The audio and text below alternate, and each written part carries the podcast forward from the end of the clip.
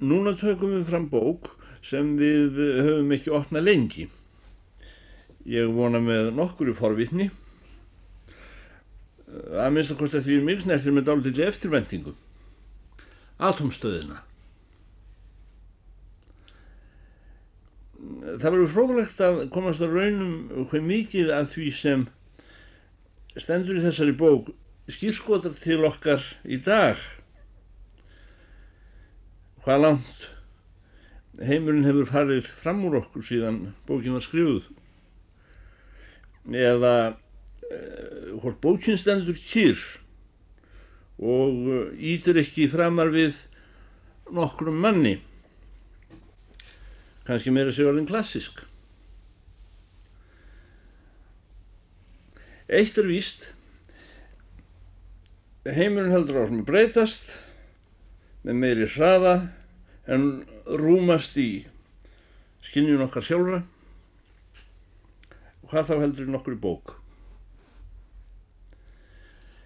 Bókin er samin að upphafi atomaldarinnar. Heimurinn er orðin atomstöð. Undir yfirskinni stríðs og stríð helgar allt er hægt að afmá allt líf á jörðinni. Og ung stúlka kemur á norðan.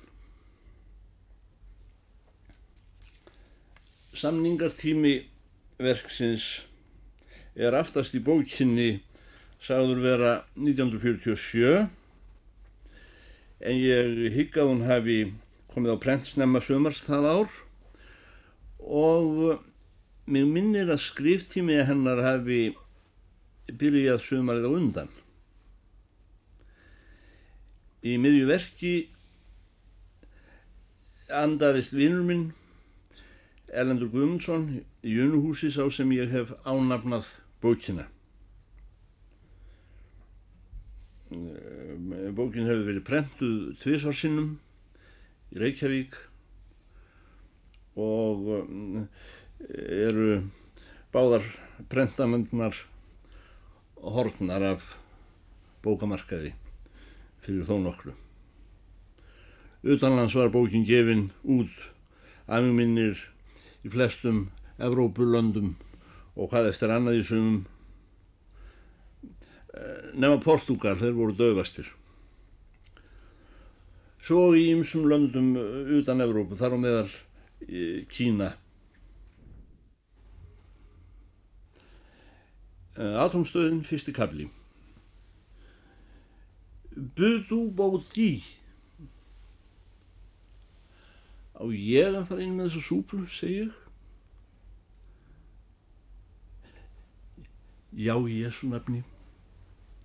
Svarar matseljan, döfhyrða. Einn mestur kvennsindar í vorra tíma og hefur hengt gljámynd af lausnaranum yfir stálveskin. Yngsta dóttur hjóna, sex vetra hnáta, þórgunur, kvöldu díti, vikur ekki frá henni, mænir á hana guðrætt, stundum með spenntar greipar, snæðir með henni fram í eldhúsi, sefur hjá henni á nóttinni. Við og við lítur barnið með vandlætingarsvip alltaf því ásökunar augum til mín nýjuvinu konunnar. Ég tók í mig kjark og fór inn í borðstofum þar innuna. Fjölskyldan var ekki sest. En eldri dóttirinn rétt nýlega fermd kom inn litfrýð eins og rjómi nema svartmálu á vörum og nöglum og hagræti með fimri hendi þykkum tappatókarlokkum sínum ljósum. Ég sagði gott kvöld en hún horfið á mig úr fjarska settist við borðið og hjælt áfram að skoða tískublað.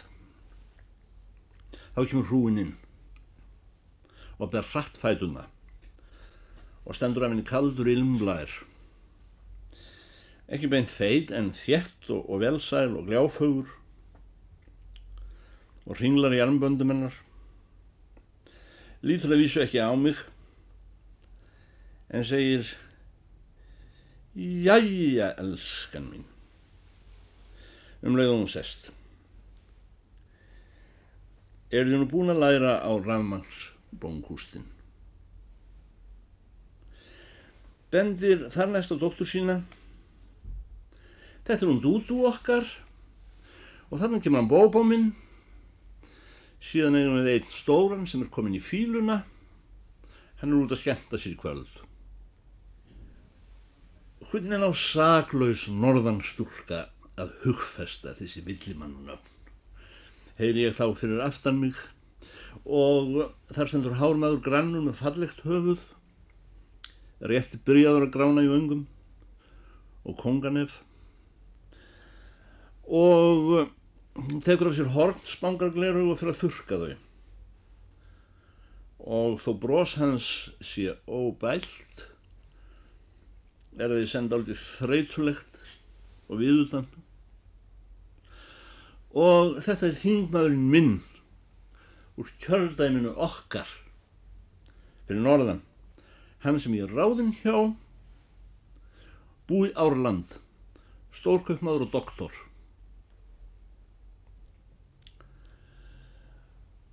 og þegar hann hefur full þurkað glerugun og hort á mig nóg réttir hann mér höndin og segir það var fallegt að viður að koma allavega norðan til að hjálpa okkur hérna fyrir sunnan og þar með var ég búin að fá hjartslóttum og svitan og gæti auðvitað ekki sagt orð. Hann hefur upp fyrir sér nafn mitt, Ugla, og heldur áfram. Lærður fuggl og hennar tímin óttinn. En hvernig líður honum gamla fal mínum í Eistridal með útigangsfrossin sín? og kirkjuna. Ég von okkur tækist á næsta þingi að kreista út auðra úr þessu hund hefna alþingi svo vindarnir geti sungið messu þar í dalnum þegar allt er komið í öðun. En útigangsfrossin verða sjá um sig sjálf á sinn guðdómlega hátt því þýskir rossakaupmenn eru kapút.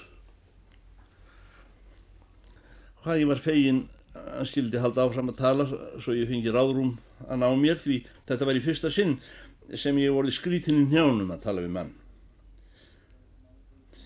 Ég saðist alltaf að læra á kirkjuorgelið og væri komin söður mest þess vegna. Við viljum ekki að dalurinn fara í öðn. Ég hafði ekki haft tóm að taka eftir gljáfeita slöttólunum Bóbó sem gómdi á mig tala við föður sinn meðan frúin í ós á diskana. Fyrir einu hann ræk upp hlátur, þandi gúlana, eins og þeir held ekki á lofti, sprakk. Sýstir hans hætti að skoða enska tískublöð og sprakk líka. Í opnum eldústýrónum bakviðmingstendur engilmyndin og hefur mist guðsóttan og hlær og segir við fóstru sína til skýringar þessari óvendu gleði fjölskyldunar. Hún ætla að læra orgel. Frúin brosti með sjálfur sér um leið og hún rendi til þeirra augum. En fadir þeirra bandaði vinstri hendi í átt til þeirra og hristi höfuð og leitt fram henni mig allt í senn. En sagði ekki neitt, fór að borða súpu. Það var ekki fyrir ég var orðin því vön að elsta doktorinn settist við flílinn og leki viðstöðu laust upp úr sjópe eins og ekkert væri sjálfsæðara að mér skildist hvað fáránlegt var að heyra stóran digran hvennmann að norðan lýsa því í mentuðu húsi og hann ætla að fara að læra á orgel.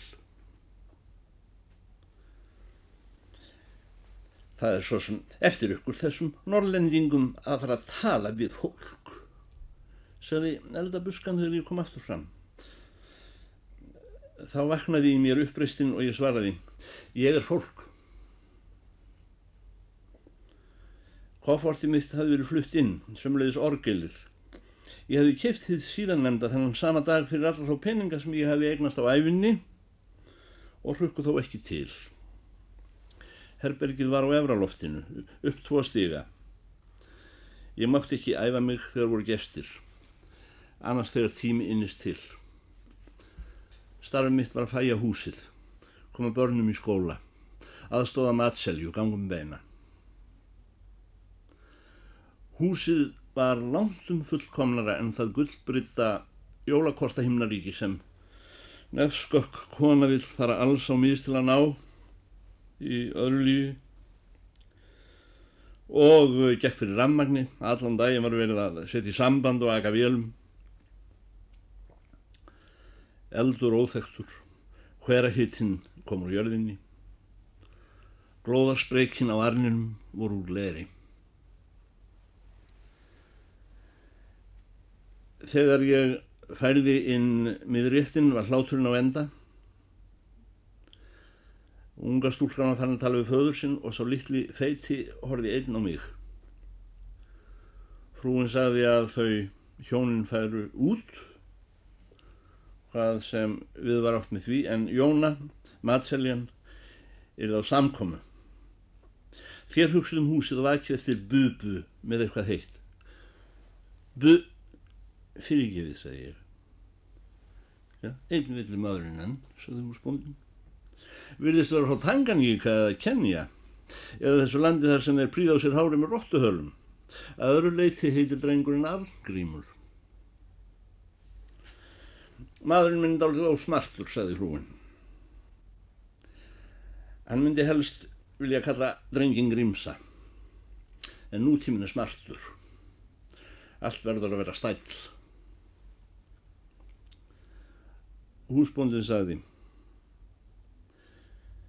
fyrir það norðan, úr þessum ógleimanlega dal eistri dal, dóttir hans útigangs hrossa fals, sem er að byggja kyrkju viljið ekki gera svo vel og skýra upp börnin fyrir mig? Heldur vildi ég vera brítjuð niður í hundra þúsund miljón stykki en kvöldu Gunsa, saði elsta dóttirinn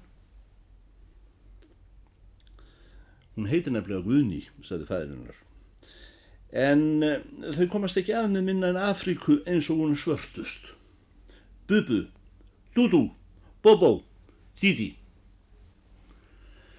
Þá leiðt konan fast á mann sinn og sagði ætla nú að fara að tala svona við þessa stúlku. Síðan leiðt hún á mig Tækið tómutiskrana og farið með á framgóðan.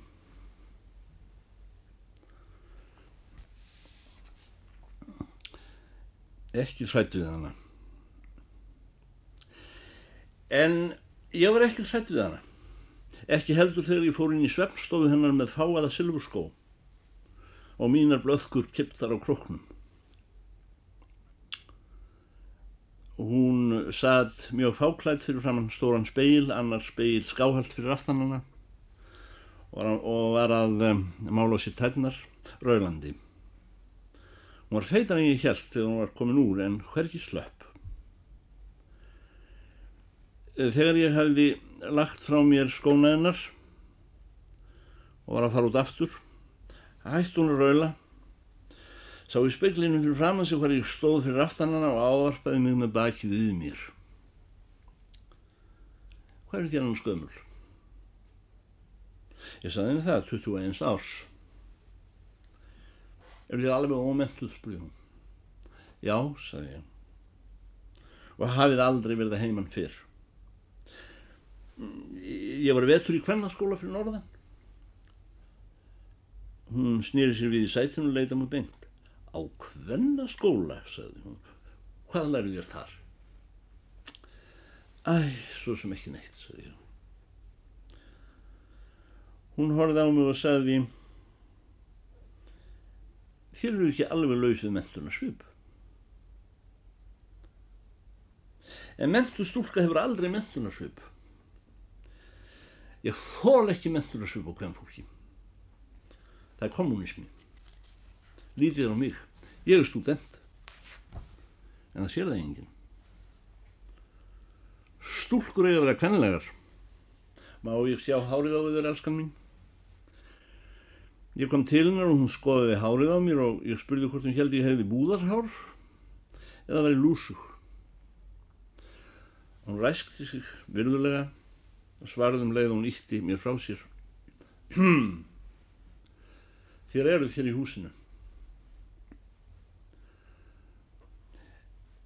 Ég ætlaði að fara þegjandi en hún sá auðmur á mér og sagði mér til hugunar Þér hefði stert hár. Það er söðurgullt en mætti þvost betur. Ég sagði sem var að ég hefði þvegiði fyrradag áður en ég fór að heimann. Úr kúalhendi spilði hún. Grænsápu sagði ég. Hún sagði þér mættu þóða betur segið. Þegar ég var hálf komin út úr dýrónum kallaði hún á mig enn og sagði Hvaða skoðanir hafið þér? Skoðanir? Ég? Öngvar? Já, góða mín, það er gott, sagði hún. Vonandi ekki eina af þeim sem liggja í bókum. Marganóttina hef ég nú vakað yfir bók. Guð almáttuður hjálpiður, sagði konan og horfði á mig sætt. Hvað voru þér að lesa? Allt, sagði ég. Allt, sagði hún. Í sveitar allt lesi, sagði ég, byrjið á Íslandingasögunum og, og síðan allt. Ekki þó kommunistablaðið, sagði hún. Við lesum þau blöða sem við fáum ókipis í sveitinni, sagði ég. Varðinni þar verði ekki kommunisti, sagði hún. Ég hef þekkt alþýðu stúlku sem las allt og var kommunisti. Hún lendi í sellu. Ég ætla að verða organisti, sagði ég. Já, mig komið þér langt á hann sveit, sagði hún. Færði nú út, elskan mín. Nei, ég var ekki vitund hrætt við hana þó hún væri náskild ríkistjórninni og ég, dóttur hans falskamla fyrir norðan sem þykist alltaf byggja fyrir Guð en lætur hrossinga um gúti. Og hún úr postulíni, ég úr leir.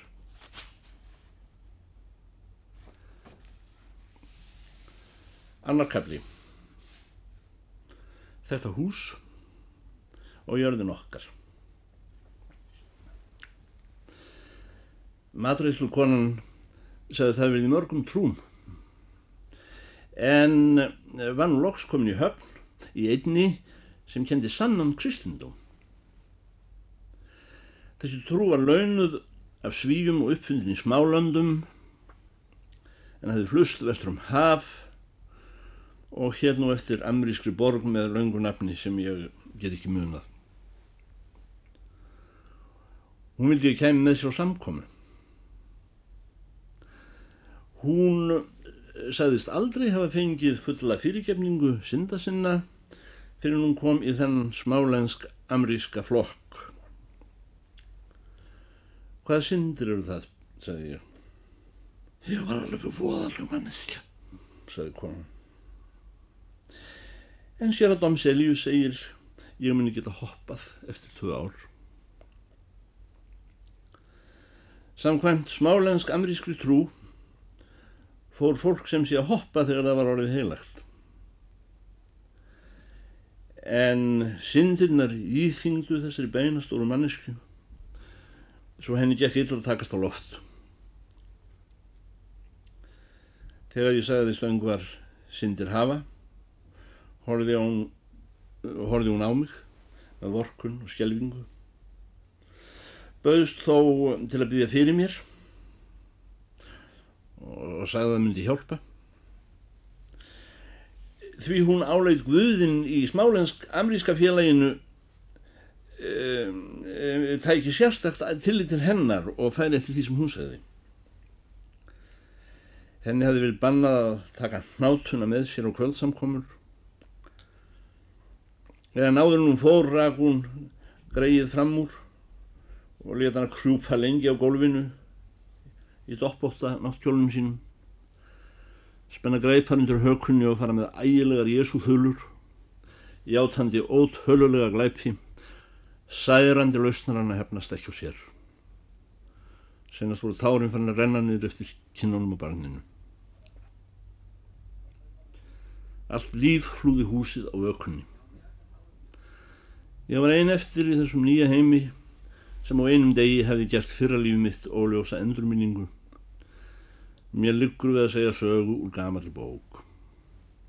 Þrýr salir. Tveir í sömu stefnu og þriðji myndar horn við þá, fullur af dýrgripum. Þessir þúsund fáru hlutir virtust hafa komist hingað af sjálfu sér, án allrar áreinslu, eins og fjenaður leitar í ógilt tún í gróandan. Hér er ekki svo fátækur stóll að hann fengist fyrir snembærun okkar. Fjeð okkar myndi hver ekki rökkva ef þessi fjölskylda ætti að sitja öll. Ég er við sem gólfteppi í stóra salunum kostar meira en jörðin okkar þó húsin fylgdu. Við eigum eina mublu, sligaða dífaninn sem hann fæðir mín kifti á um, aksjóninni um álið og eina mynd, spjaldagrím, eins og við krakkarnir nefndum hann, allgrím kallin Pétursson, í pontunni með Jésússpjöldin sín kringum sig og síðan auðvitað orgelið, minn draum. En það hefur því miður verið ónýtt sem ég mann eftir, af því það er ekki opni í stofunni. Útigangshrossin eru okkar munaður. Af hverju eiga þeir aldrei neitt sem vinna? Eða er ég kommunist í að spyrja svo? Það ljótast af öllu ljótu, þeir eina sem ber að varast. Ég dreif fingri á hljóðfæri húsins og hvílig fagra veröld í tóni ef hann stendur rétt við annan tón. Ef til að synd, það var synd að kunna ekki á hljóðfæri. Og samt hafði ég sagt við kellinguna að ég hefði öngvað synd. Þó tók hún húkana þegar ég gekk inn í herbergi bóndans næður út í dyrum, allt bækur í hólf og golf en sama hvar ég bara niður ég skildi hverki neitt eftir að glæpur þó glæpur að vera ómentaður lík um nótt. Loks fór ég upp til mín og spilaði nýja orgeli mitt þessi tvöða þrjú lög sem ég kann á norðan auglagsins sem þeir kunna einir sem ekkert kunna. Það farið með hendunar í kross. Mér bauði við sjálfur í mér hvað ég var ómentuð og tók fram einn af þessum leiðinlegu fræðibókum máls og menningar sem gera mann vonanda manni seinast. Þann sem nennir að lesa þær. Og þannig líður kvöldið. Fólki fyrir að smá tínast heim. Fyrst kemur matræðslukonan úr amrísk smálenska syndalösnarverkinu. Síðan miðbörnin sitt í hverju lægi, loks hjónin, bráð mér allt kyrð. En sá sem ég býð eftir með heitan mat í ofninum kemur ekki og klukkan er þrjú og ég á reykjum húsi til að halda frá mér svefni en dett loks út af ég einn þessara djúpu stóla niðri.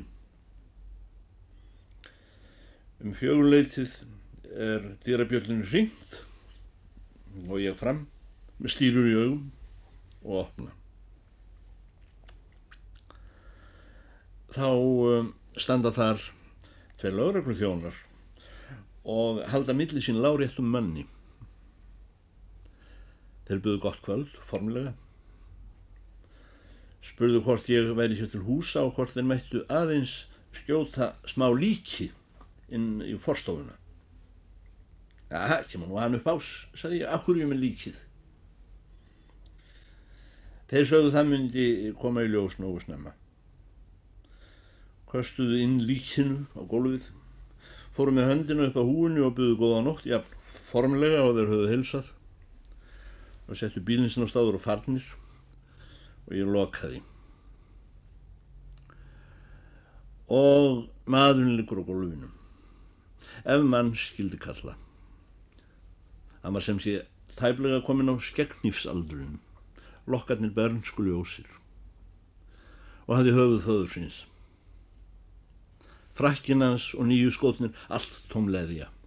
Sömluðis annar vangin á honum eins og hann hefði sopnað hann í potli eða verið veld upp úr forarvilpu og það var gupp framann á honum. Hvað átti ég að gera? Þegar ég laut á honum heyrði ég hann anda.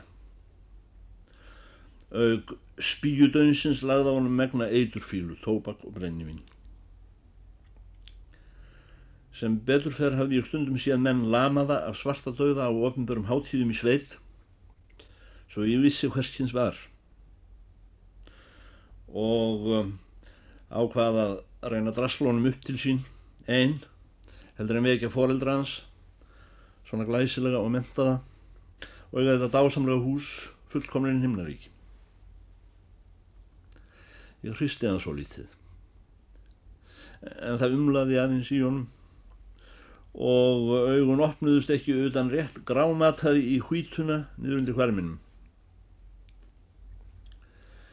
Ég let renna kallvatn í svamp og þurrkði honum í framann og hann var alveg saglaus og alveg góður og ekki nema 16 í hæstalegi 17 og það var opin á honum höndin. En hann var alveg döður nema andaði höfðið á honum vald máttlöst aftur þegar ég reyndi að reysa hann upp. Seinast tók ég hann í fangið og bar hann upp til sín, allaveg upp í rúm. Bróður hans svafi í hinurúminu og rumskaði ekki. Ég skildi hann við frakkan og reymaði á hann skóna og losaði um föðin hans hér og hvar en kunni ekki við að færa 17 ára pilt úr öllu þó að hann veri döður. Heldur fór upp til mín að sofa.